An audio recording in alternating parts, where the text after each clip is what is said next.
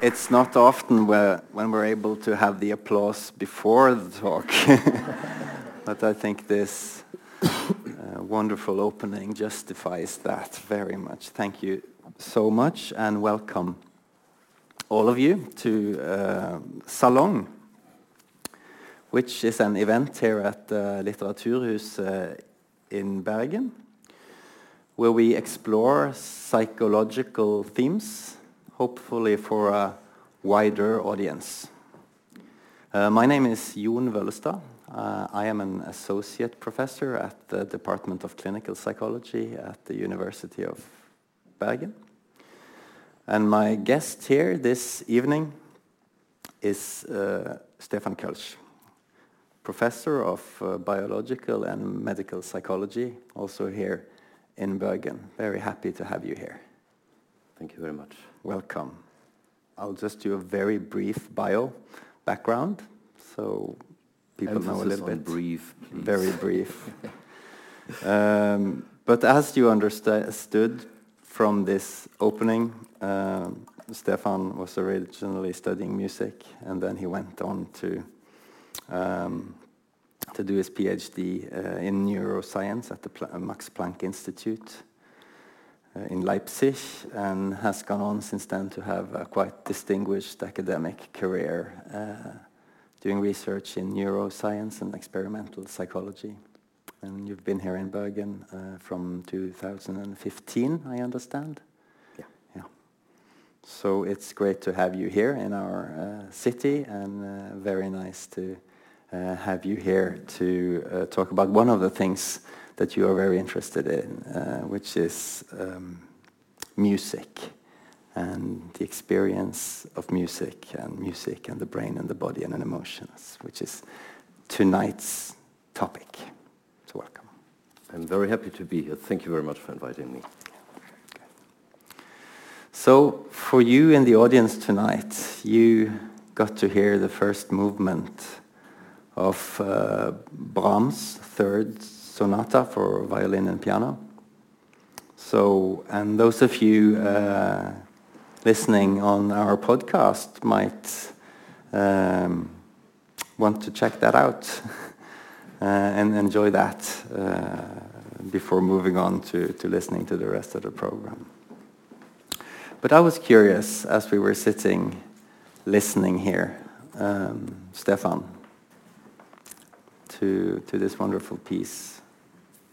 What may have been going on in our bodies and minds and brains as we were touched by music? Yes, uh, well, um, if I may, I will answer this in a little bit more general way um, with regards to what we scientists know, what generally happens when, when people listen to music that they like. So when we listen to music that we like um, and find pleasurable, then a number of biochemicals are released in the brain that also have relevant effects for our health and well-being. And just a few years ago, it was discovered that this particular pathway in the brain that I refer to as the fun pathway in my book. Scientifically, it's called the mesolimbic dopaminergic reward pathway. Um, and this pathway, this fun pathway, uses dopamine as, as gas, if you will, as a neurotransmitter. And many dopamine systems in the brain are active when we listen to music, or even more so when we make music. But this particular dopamine system is of interest because it has been shown that it releases dopamine in the so-called basal ganglia in the brain just simply when we find music pleasurable. We don't even need to be moved to tears or experience goosebumps. Just as long as we think, well, that's not bad, I like it in a way, then we, we already, you know, al already a few dopamine molecules, a few fun molecules are released in our brain. I'm telling this in such epic length because it's very relevant for a number of disorders and diseases. So many, for example, have heard that Parkinson's disease is associated with reduced dopamine availability in this part of the brain, in the mm-hmm. basal ganglia. So one idea is that pleasure with music might be able to help Parkinson patients. And we already know that Parkinson patients, despite severe motor deficits and motor problems, can move to music. So they have problems going from here to there, but we turn on music and they can dance in a way hmm. that is miraculous for the neurologist. Um, I once spoke to a neurosurgeon, that's more than 10 years ago, who implants electrodes in the brain which are electrically stimulated. And this procedure can be applied in Parkinson patients. And he was enthusiastic and telling me, yo, we have this new method and I just implanted this electrode in one of my Parkinson patients and you know, we switch the switch on and the symptoms are gone and we switch the switch off and there's the Parkinson again. And I said to him, you know, we have the same, it's called stereo system. yes. And, and uh, just, sorry, yeah. sorry, Jan. Just, um, I'm, I'm, this is professional, occupational uh, hazard, you know, blah, blah, blah, blah, blah. But go ahead. There's one thing I needed to add because it, the therapeutic effects extend way beyond Parkinson patients. The therapeutic effects of just this one emotion system that I that I just mentioned, the, the fun system and the fun motor and the, the dopamine. And that is disorders and diseases that are associated with anhedonia. Anhedonia is, is, is the difficulty of experiencing pleasure. Yeah? And we know that experiencing pleasure is important for us. Also for those of us who do not have disorders and diseases. For example, it is, it is important to make us feel pleasurable on a regular basis, even if we think we, we, haven't deserved it at this moment. Yeah? So even then, it's, it's, you know, eh, eh, sometimes even more so then, it's important to provide us with, with something that is fun, pleasurable and healthy at the same time. There are, of course, enough things such as music, healthy food, physical activity, etc. Um, and this, this um, problem with anhedonia is a common problem in a number of, of also psychological disorders. Um, depression is, is one of them. Schizophrenia is another one. Post-traumatic stress disorder. The list goes on and on. So um, this is just one of several emotion systems in the brain that I just mentioned that's activated just when we find something in music pleasurable. And that illustrates, I think, already very nicely the, the, the emotional and the th therapeutic powers that music can exert in us. Mm. It's a very, very long answer. No, it's a, I think it's wonderful, and uh, my experience was beyond just uh, mild amusement or pleasure. I found it uh, uh beautiful and powerful what you were uh, uh, playing here. So, and perhaps a number of others did as well in the audience. So it's a, a very strong illustration of of how this I will call it the fun system because it's the shorter word uh, yes. works. Um, and I was, I was curious because in your book you, you talk about music in various aspects and we will get to the ones involving more treatment. But uh, my impression is that you see music as almost essential in human evolution Uh, um, a, a, very important part. You know, essentially, we wouldn't be here today if it weren't for music. Can you tell us a little bit more yes. about that? I think so. Yes, I think a world without music would be a world without humans, mm. and the reason is that emotionally, music can go even beyond fun. Hmm. As you just mentioned, we might, for example, feel moved or touched by music. And when we feel moved by music, or by films, or by novels, or by literature, theater, drama, etc., in real life, it's usually associated with some social component. Yeah? I find it pleasurable to drink a glass of water, yeah, but I'm not moved by drinking a glass of water. Yeah? I'm, I'm moved when the little girl, hungry girl, shares her last piece of bread with her little brother. That's what I find moving because there's the social element. Yeah? And that's what we have in music. We do music together. Kjetil and I, we experience friendship and community. We have a social bonding that evolves with the music. And musicians know that you play together with another human, one rehearsal, and you, you feel a bonding that usually, with, you know, when you, when you get to know somebody with, with talking, etc., takes much longer.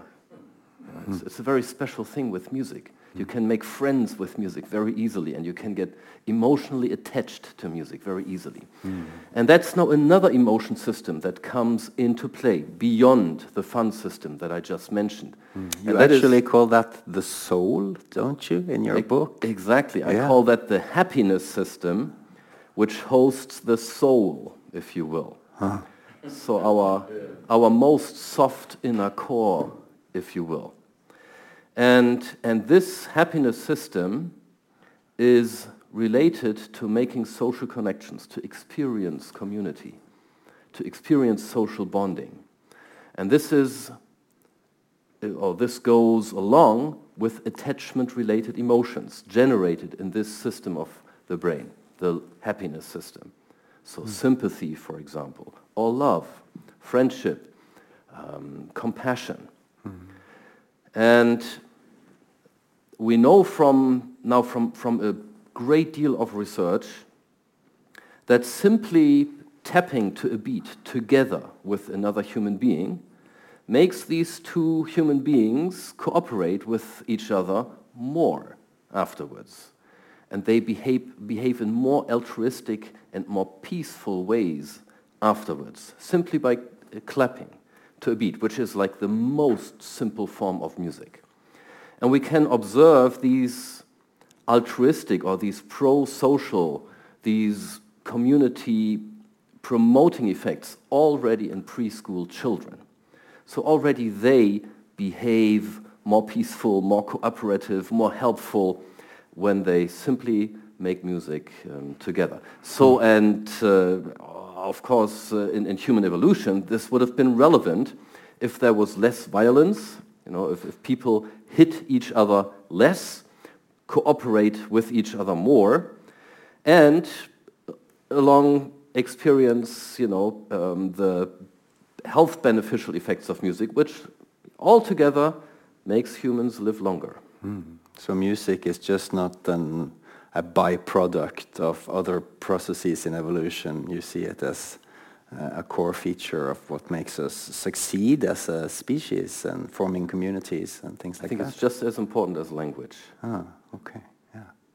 Huh, fascinating. And you also uh, say in your book that we're all musical, even the ones of us who think we're not. And I count myself among them um, in terms of not playing uh, and uh, um, not and being quite reluctant to sing. uh, but I was fascinated to read all this. a question of tolerance, you know. yeah, yeah, isn't it? Uh, but but I was fascinated by by saying that okay, it's our birthright, music, biologically, even the ones of us who don't see us as um, so musical or maybe even unmusical. Yeah. Yes. Yeah. Exactly as you as you said. I, I think the, the humans and the human brain is musical by nature. And we know this because every human culture that we are aware of does not only have language, it also has music. People making music and uh, dancing, singing, drumming, etc., etc.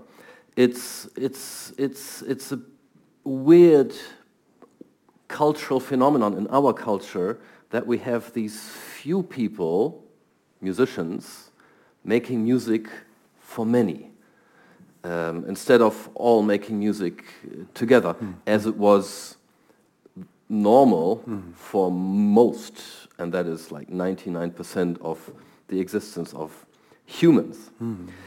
Um, and we have this notion in our culture that when you don't know to read scores or know how to play an instrument, then you're not musical.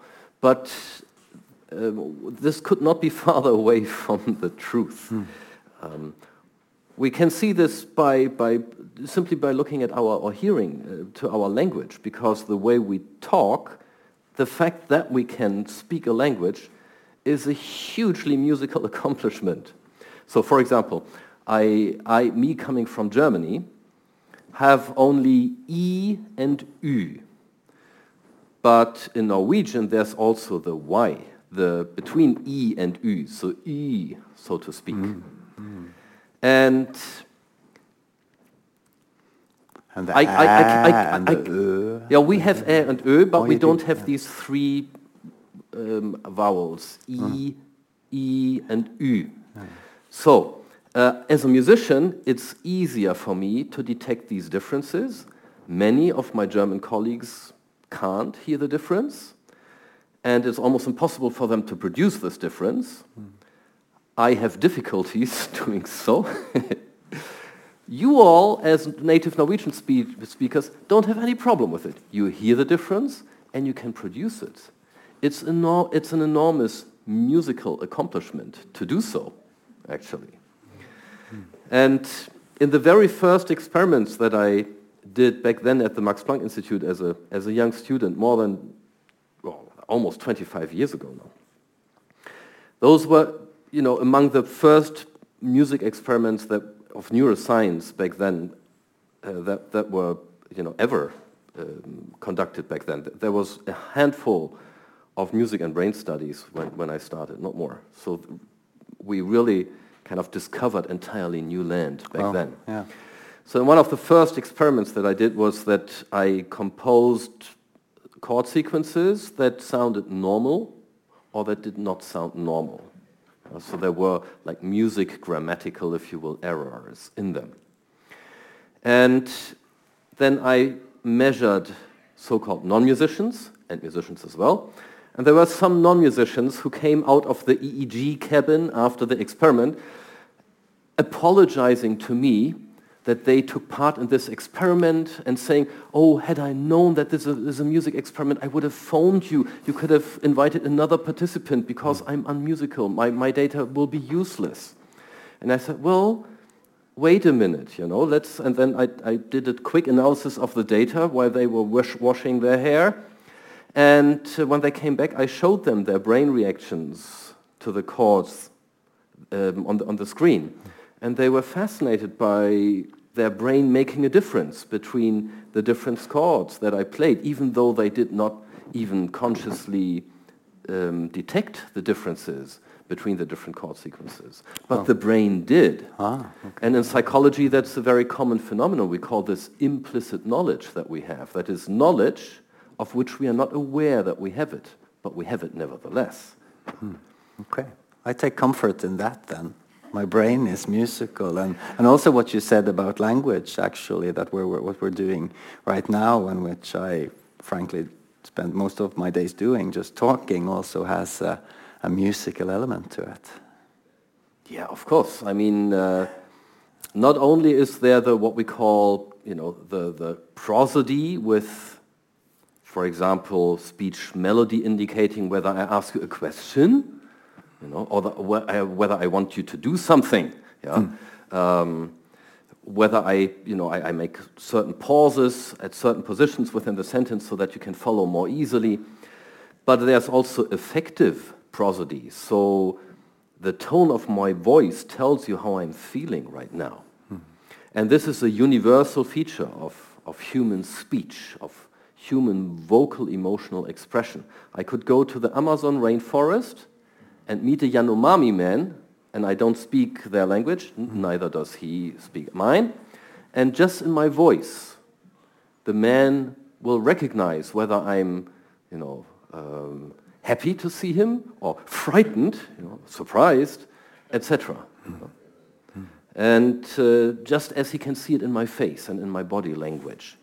And these musical features of speech can also be found in many pieces of Western music because Western music often imitates emotional mm. language. The piece that we just played had many passages that were very reminiscent of emotional expression, of, uh, of vocal expression of emotions. Mm. And uh, that again is, is a musical capacity that, that we have. Mm. Of course, there are also differences between, between uh, language and music. Uh, language obviously has very specific meaning, words with very specific meaning, mm. and is designed so that one individual can tell what he or she wants or feels or plans or experienced yesterday or would like to experience in the future, etc., etc. Mm.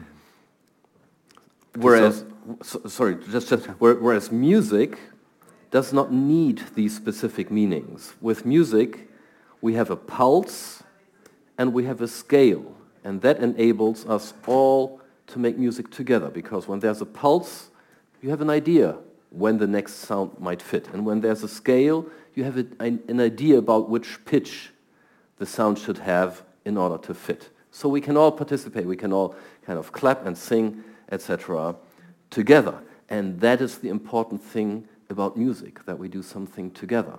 Yeah? So we can produce sounds together, and it still sounds great. With language, mm. if both of us talk at the same time, you can't understand anymore, and it doesn't sound good. Mm. Yeah? Mm. And that, that's a very critical difference between language and music. Hmm. So, so in my book, write that language is the music of the individual, and music is the language of the group. Mm, mm, and also, my experience working, for instance, with psychotherapy is that emotions can be difficult to translate into words.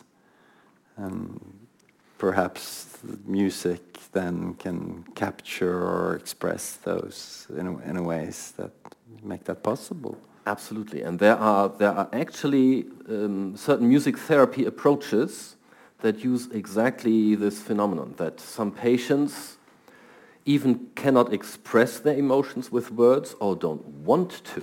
So, for example, depressive patients often just don't want to talk about it. They don't want to open up. They don't feel like it. And with music, it's often much easier for them hmm. to kind of open up and let it all out, for example. And then when this breakthrough has been, you know, has occurred, it's also much easier for them to talk and to start talking and to start talking what they just did and what they just experienced and how this is related to their previous experience and the, the pain that they had and the suffering and so forth. Mm. Um, other colleagues of mine developed a method with children with autism who, according to their, to their diagnosis, have huge difficulties expressing their emotions and labeling their emotions. Yeah? However, contrary to what they are allowed to be able to, according to their diagnosis, they can express emotions with music and they can label them in mm. music. So they can say, I feel like this and that piece or I feel like this in that passage. Ah, that's wonderful. Yes. Yeah. Yes. Uh, so amazingly, with music, autistic patients can do things that do not fit at all to their diagnostic profile, to their to their diagnosis, mm. to what they you know to the, to, to what autism actually is. Mm. Um, just very briefly, but be, because it illustrates this very nicely. Um, children with autism often have distinct communication and language deficits, problems. So that there was a colleague who did a functional neuroimaging study with language and with music. And they found that the language network in the brain in the autistic children does not respond to language. In the normal developing children, there was a normal activation of the language network in the brain. When they presented music, however, the exact same language network was active in the children with autism. And this shows us, you know, they, they, they are not deficient individuals, you know. They don't, mm. they, they don't really have a brain defect. It, they're just, you know, wired a little different. The, the, the functions are just a little different, you know. Mm. It's, not, it's not that they, um, that they have a deficit in this network. Mm. It's just the question, how, how do we get to this network? You know? How, how do they which ways can they use to express themselves and to communicate? Because mm. with music, they can make social connections. Mm. Mm. And they want to make social connections. Of course they want, because autistic children have the same inner desire and need for social connection just as everybody else uh, hmm. too. Hmm. And music makes that possible then, which is, which is yeah. very, very beautiful. Yeah. Um, I was thinking also about, you know, kids, people in the audience may have children or grandchildren, and, and what are the implications of these uh, discoveries about music for, um, you know, caring for the ones who are growing up? Yeah. Well, I, am often asked by parents, doesn't make music our children more intelligent, so mm. shouldn't we? And, and uh, you know, um, so I, I, don't think it's a question of, uh, you know, um, making our kids make music so that they become more successful and beautiful and richer and uh, more intelligent, etc., etc. However, I think that music is an ideal tool to support their growth and their development. Because with music, they engage in all the faculties that are essential for their development. So perception and attention, memory, complex thinking, the sensory motor um, processes, emotions, mm. and also social communication. Mm. And these are the pillars of human child development. And with music, they can, they can engage in the training, if you will, of all these faculties at the same time, you know, and mm. it's hmm. even fun. Mm. So that's, that's why I think music is just, and dancing also, dancing mm. too. Hmm. Uh, it's, it's, it's, just ideal for kids uh, to, to grow and develop. Hmm. So when you're singing a lullaby, you're not just making the baby fall asleep, but you're actually nurturing some crucial capacities here there's, in, there's in actually, the There's research showing that uh, singing lullabies to a child supports the emotional and cognitive and social development oh. already of, of the baby. And uh, that's not just, of course it's not just the, the music, it's also, you know, there, there's the there's a multi-sensory input from feeling and the vestibular apparatus is stimulated with the back and forth and the, the auditory information, the visual information because there's face-to-face contact and smiling, etc., etc. Mm -hmm. Sometimes they are skin to skin. Yeah? So it's, it's, it's a multi-sensory experience. And also, uh, often, the parents are less, less stressed as well mm -hmm. When they sing to the child, you know, mm -hmm. because uh, okay when we sing, it usually relaxes our bodies a little because we breathe out more slowly when we sing. And just breathing out slowly already calms our bodies down physiologically. So nice side effect is that the parents, you know, calm down as well. Yeah. But also, yeah, maybe it's the development of the self actually feeling held and contained by a, a safe other person. It's uh, often uh, emphasized as a, as a crucial uh, aspect of, of healthy development. Too. Research has shown that the brain development of children who are hugged mm. more often, you know, or, the, the, who, or who are hugged in the first place, as opposed to those who are, you know, seldomly or not at all, that the brain development is better. Mm. And guess in which structure? The happiness system in the brain. The soul. The soul, the, yeah. the so-called hippocampus or the hippocampal formation, oh.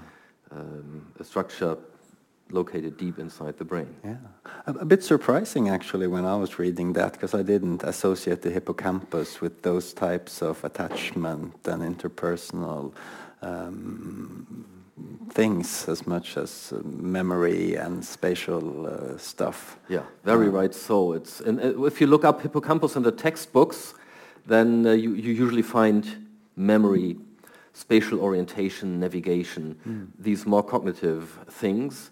But if you look in textbooks of animal research, there it's much better established already. Animal research is usually a little bit of ahead of mm. uh, human neuroscience, so um, maybe a few years more, and this will okay. also change in the textbooks. Mm. Um, the, the fact that um, that there is a co-localization of memory and orientation, navigation and emotions, attachment relations, uh, emotions, makes evolutionarily speaking sense because attachment-related emotions evolved especially with mammals, birds also, but especially mammals, because mammals have to care for their offspring. So they have to feel attached to the offspring. And they have to find the way back to the nest, which reptiles, for example, you know, most, mostly don't have to. So evolutionarily speaking, this co-localization also makes, make, makes sense. Sure. Where's mommy? yeah. yeah where, where, are the kids? You know, where, where, where is the nest? You know, uh, I need to find the way back to the nest, and uh, I should, you know, the, um, when the hippocampus is damaged in animal experiments, then the mouse or the rat, for example, eats the uh, offspring rather than taking care of the offspring. Mm -hmm. Okay. And your book is full of these kinds of information, and it, you, I think you managed to to explain complex uh, stuff in an engaging manner.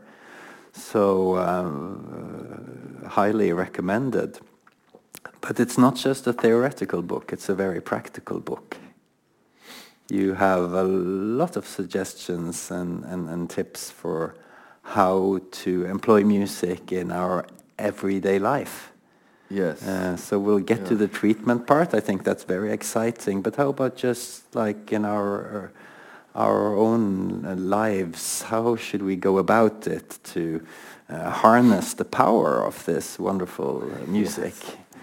Yeah, well, first, if, if I may follow up very briefly on this, uh, it was actually very important for me to write a book that for everybody, that everybody can understand, not just for my colleagues, but this time so that, that everybody can, can you know, make use of, of our findings, I mean our and the research community. And then over the years, of course, I have been asked over and over again by um, the audience after my talks, by journalists, etc., so what can we do with these findings? What, what are they good for? So I, and I collected my answers over the, over the years, and I thought someday I need to put them all into a book. Um, so that's, that's one part of the origin for these tips chapters. There are also many tips, many tricks of how I use music myself for, for my own well-being and how I use music to help myself. And more often than not, it happened that I had a great idea and it worked very nicely, and a few months later I forgot. And I knew I had this nice idea, but I couldn't remember what it was. So I decided to write it all down in, uh, in, um, in, in something that was supposed to grow into a book, so that I would not forget it all the time. So there, I know, you know, it's, it's in there. I can always you know, go back to my book yeah. and uh, find it. And so can we. So that's the great part. And, and one example, for example, mm. one example. Um, many people use music to regulate their emotions, and most people do it in, in very good ways and, and very fine ways.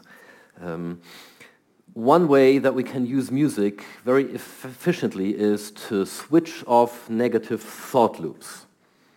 So when, we, when, when our thoughts keep coming back to things that we find stressful, something bad that happened in the past, for example, the, uh, the stupid colleague or the horrible ex or you know, some injustice that happened to us or whatever, everybody knows when, when thoughts keep spiraling around something that we find distressing.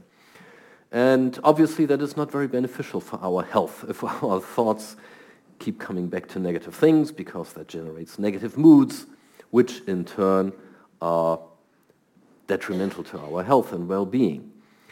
So when we switch on music, we can easily switch off these thought, thought loops by switching on music that sounds positive, so for example encouraging or joyful or relaxing, and then not just listen to the music, but somehow engage with the music. And that can be very simple. For example, just by tapping along with, with the fingertips or with, with the foot, for example. Um, breathing along with the music. Or con just concentrating on the music, for example, on the tension arcs in the music um, by uh, focusing on, the, on, on, the lyrics of the music maybe and, and you know, singing with it with our inner voice, by dancing with the music, whatever. So many different ways we can engage with the music. But as soon as we engage with music, our brain is busy.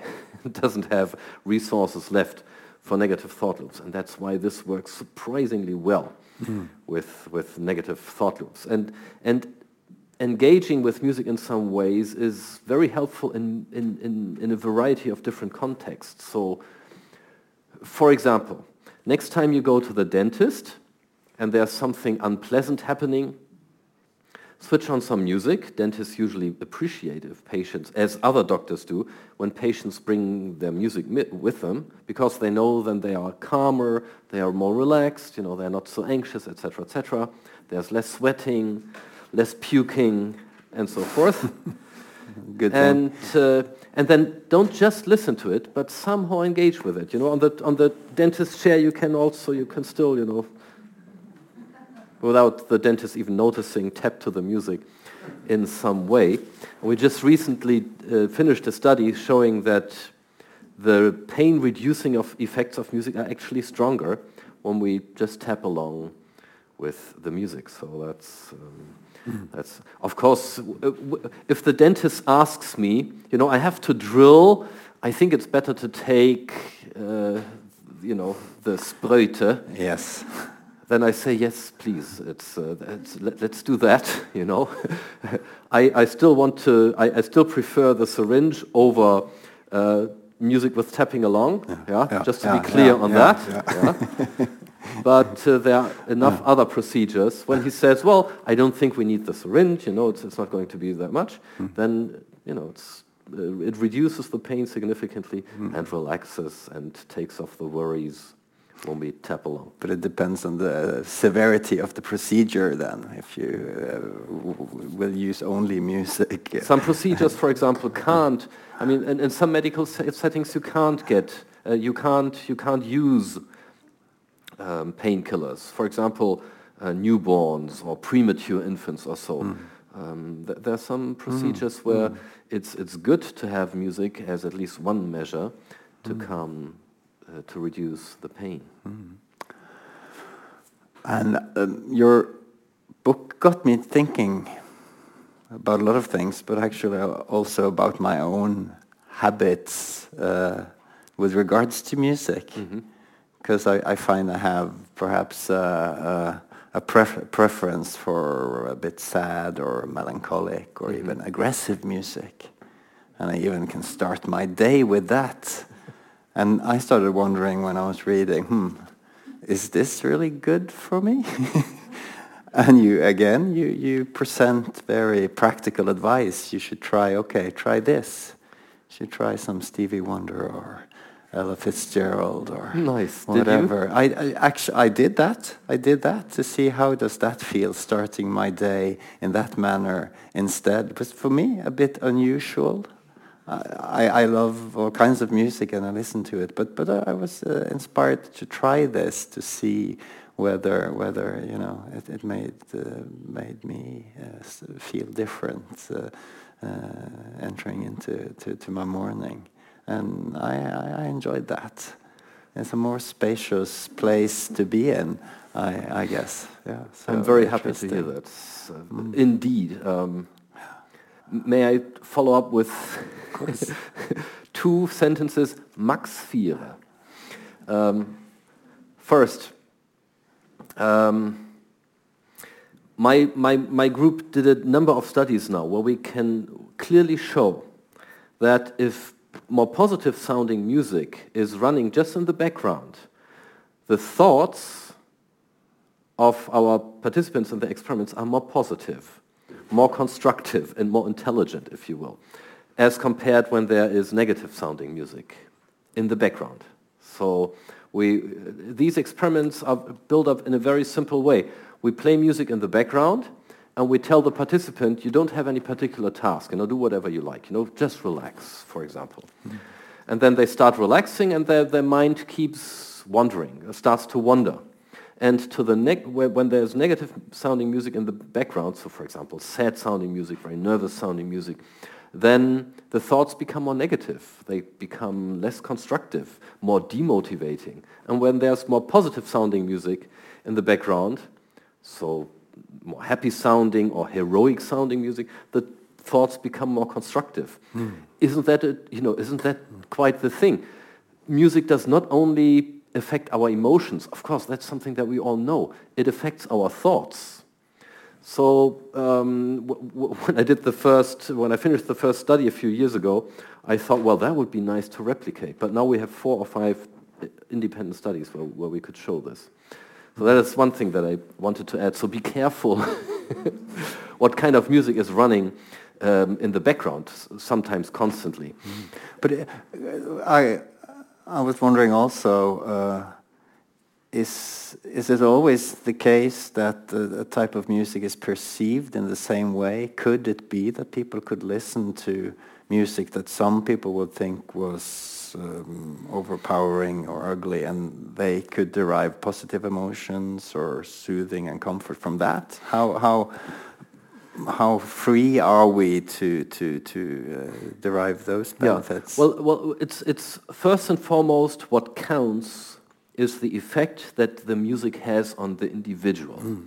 Because the same music can be perceived in very different ways and can elicit very different emotions. So here in Norway, I have several friends who are very much into heavy metal music.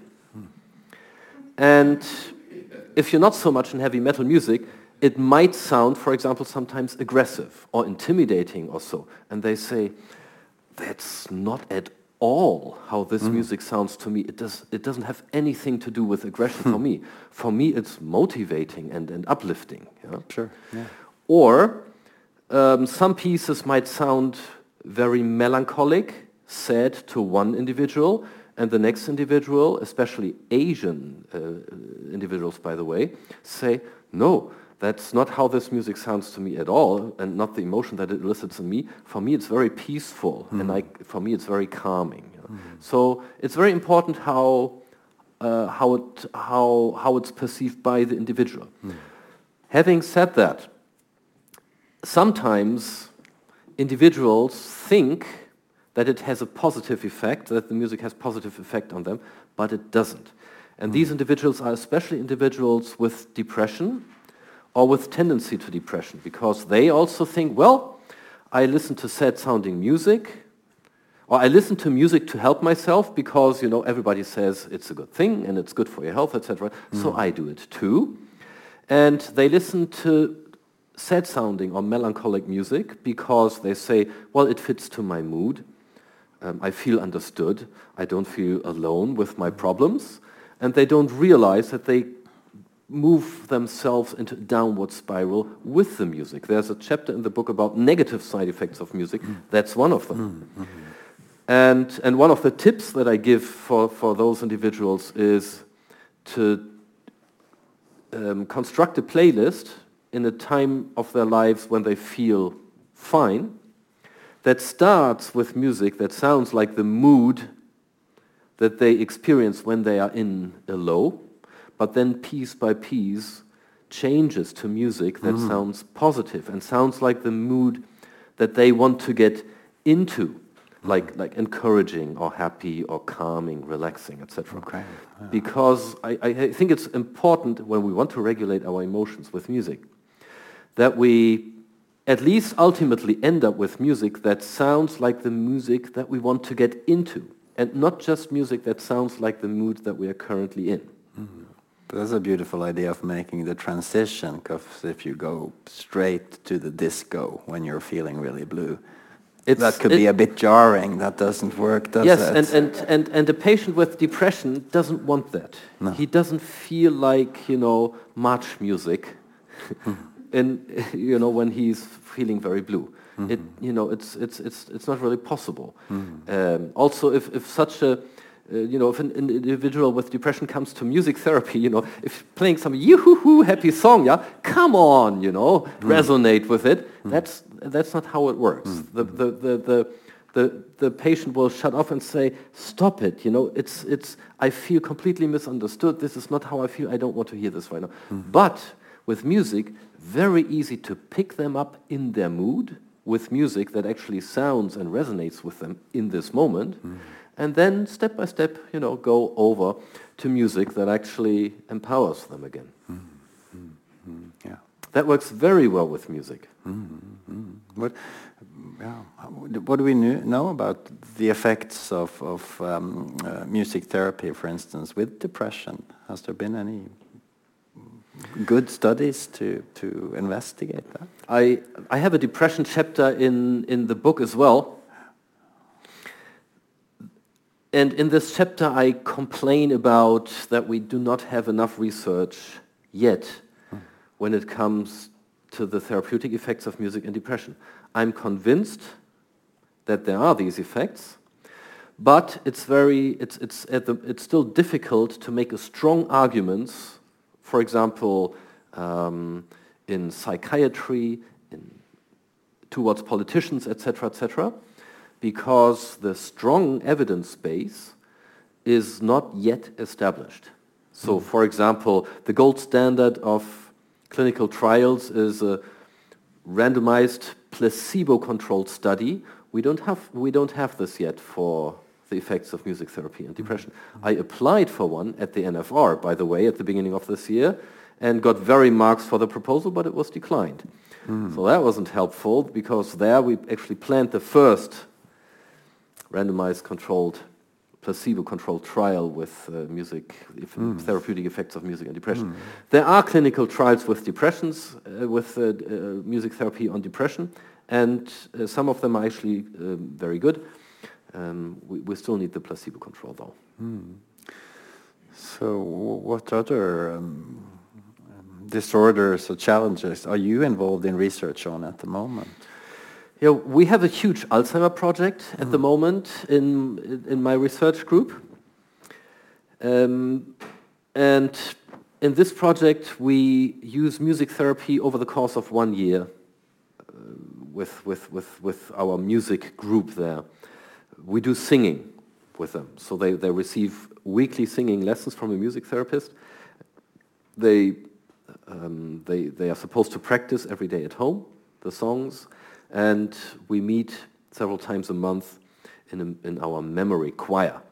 And we do brain scanning before and after to see whether we can observe effects on the brains of, of these patients.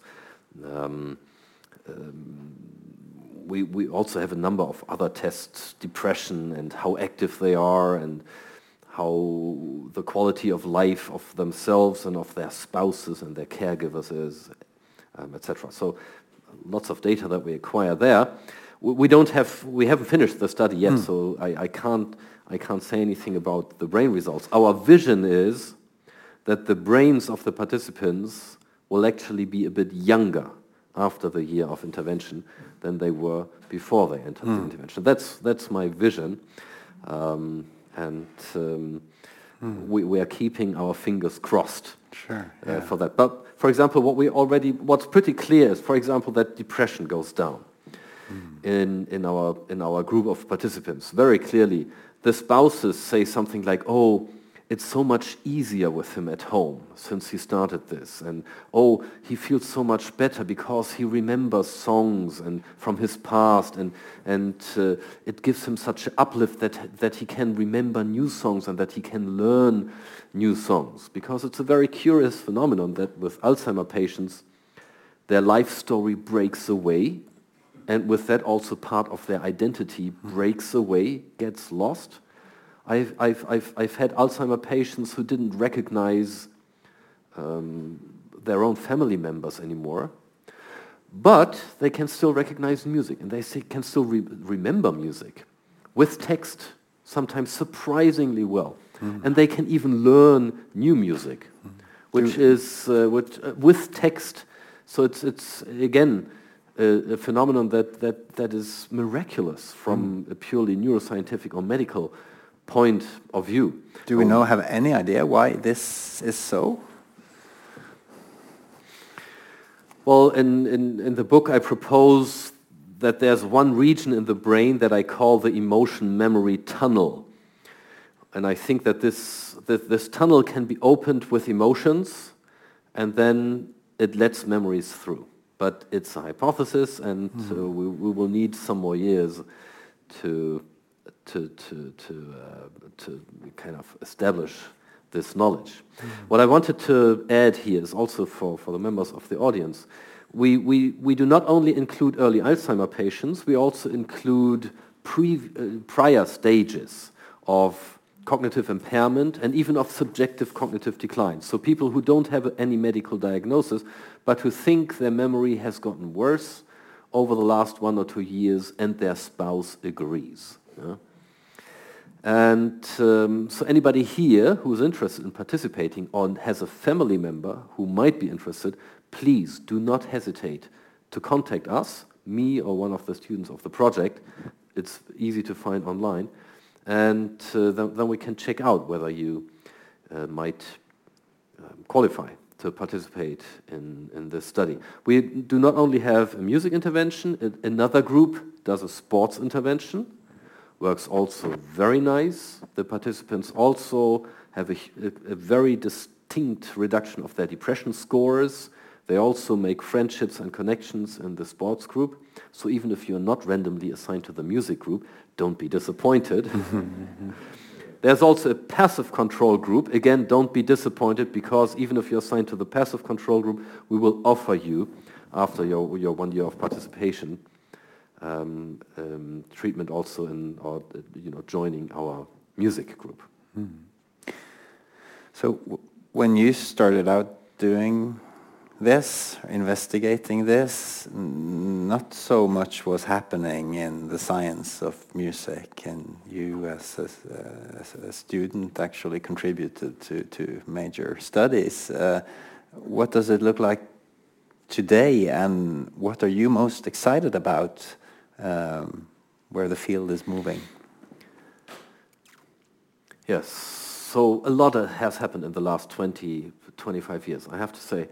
Um, with regard to the therapeutic effects of music, um, th music therapy back then was pretty much belittled. Hmm. And I think uh, also thanks to, to many neuroscience studies who showed music can actually change the brain music evoked emotions can actually run deep in the brain, etc. This has provided quite some credibility also for music therapy approaches. Um, our picture of how music affects the brain has dramatically changed over the last one or two decades. When, when I did my first brain imaging experiment on music and emotions, which was one of the first brain imaging experiments on music on this topic worldwide. Yeah? My professor said, well, that seems very bold because it's only music. So why should any deep emotion structures in the brain respond to it? Hmm. you know, it's it's not a it's not a lion. It's not a lion. It's not a dangerous animal jumping out of the bushes. You know, it's not food or drink or sex or anything. So why, why should it, you know, why should it have any effect in the brain? And I think, and so I told them, well, I'm convinced it does. You know, music is deeply moving, and, and we have all these peripheral physiological reactions to music. It must go deep in our brain. And today, we know that this is actually the case, that music can change activity in each and every emotion structure deep in the brain. And this is very important therapeutic implications because all chronic disorders and diseases are associated with some disbalance in one of these emotion structures. And if we can change activity and regulate activity in these structures with music, then we have a key to help individuals with these problems. Mm. Yeah. So is anything we should look out for in particular or the most promising right now? Well, I'm, I'm, I'm, I'm, I'm, I'm very much interested in this happiness system, in the hippocampus and the hippocampal formation in the brain and the therapeutic effects that music might exert in, in this brain structure because it's, it's, it's, it's a phenomenal structure in the brain. It's a very unique brain structure. It's the only structure that can generate new neurons, uh, which then can migrate into certain parts of, of, of the structure and, and some adjacent parts. So that's, that's, that's very unique for, an, uh, mm. for the adult brain. Okay. Wow. Um, a very unique feature. It's also, by the way, the only structure in the brain where neurons can die as an effect of extreme chronic emotional stress. So when we're extremely unhappy and extremely, you know, in, in, in victims of childhood abuse, for example, or mm. sexual assault, etc., this structure, the volume of the structure gets smaller because neurons die. Mm. So um, and we, we, we haven't really we haven't really found any keys how we can regulate these processes in the brain, which are so relevant for health and disorders and diseases.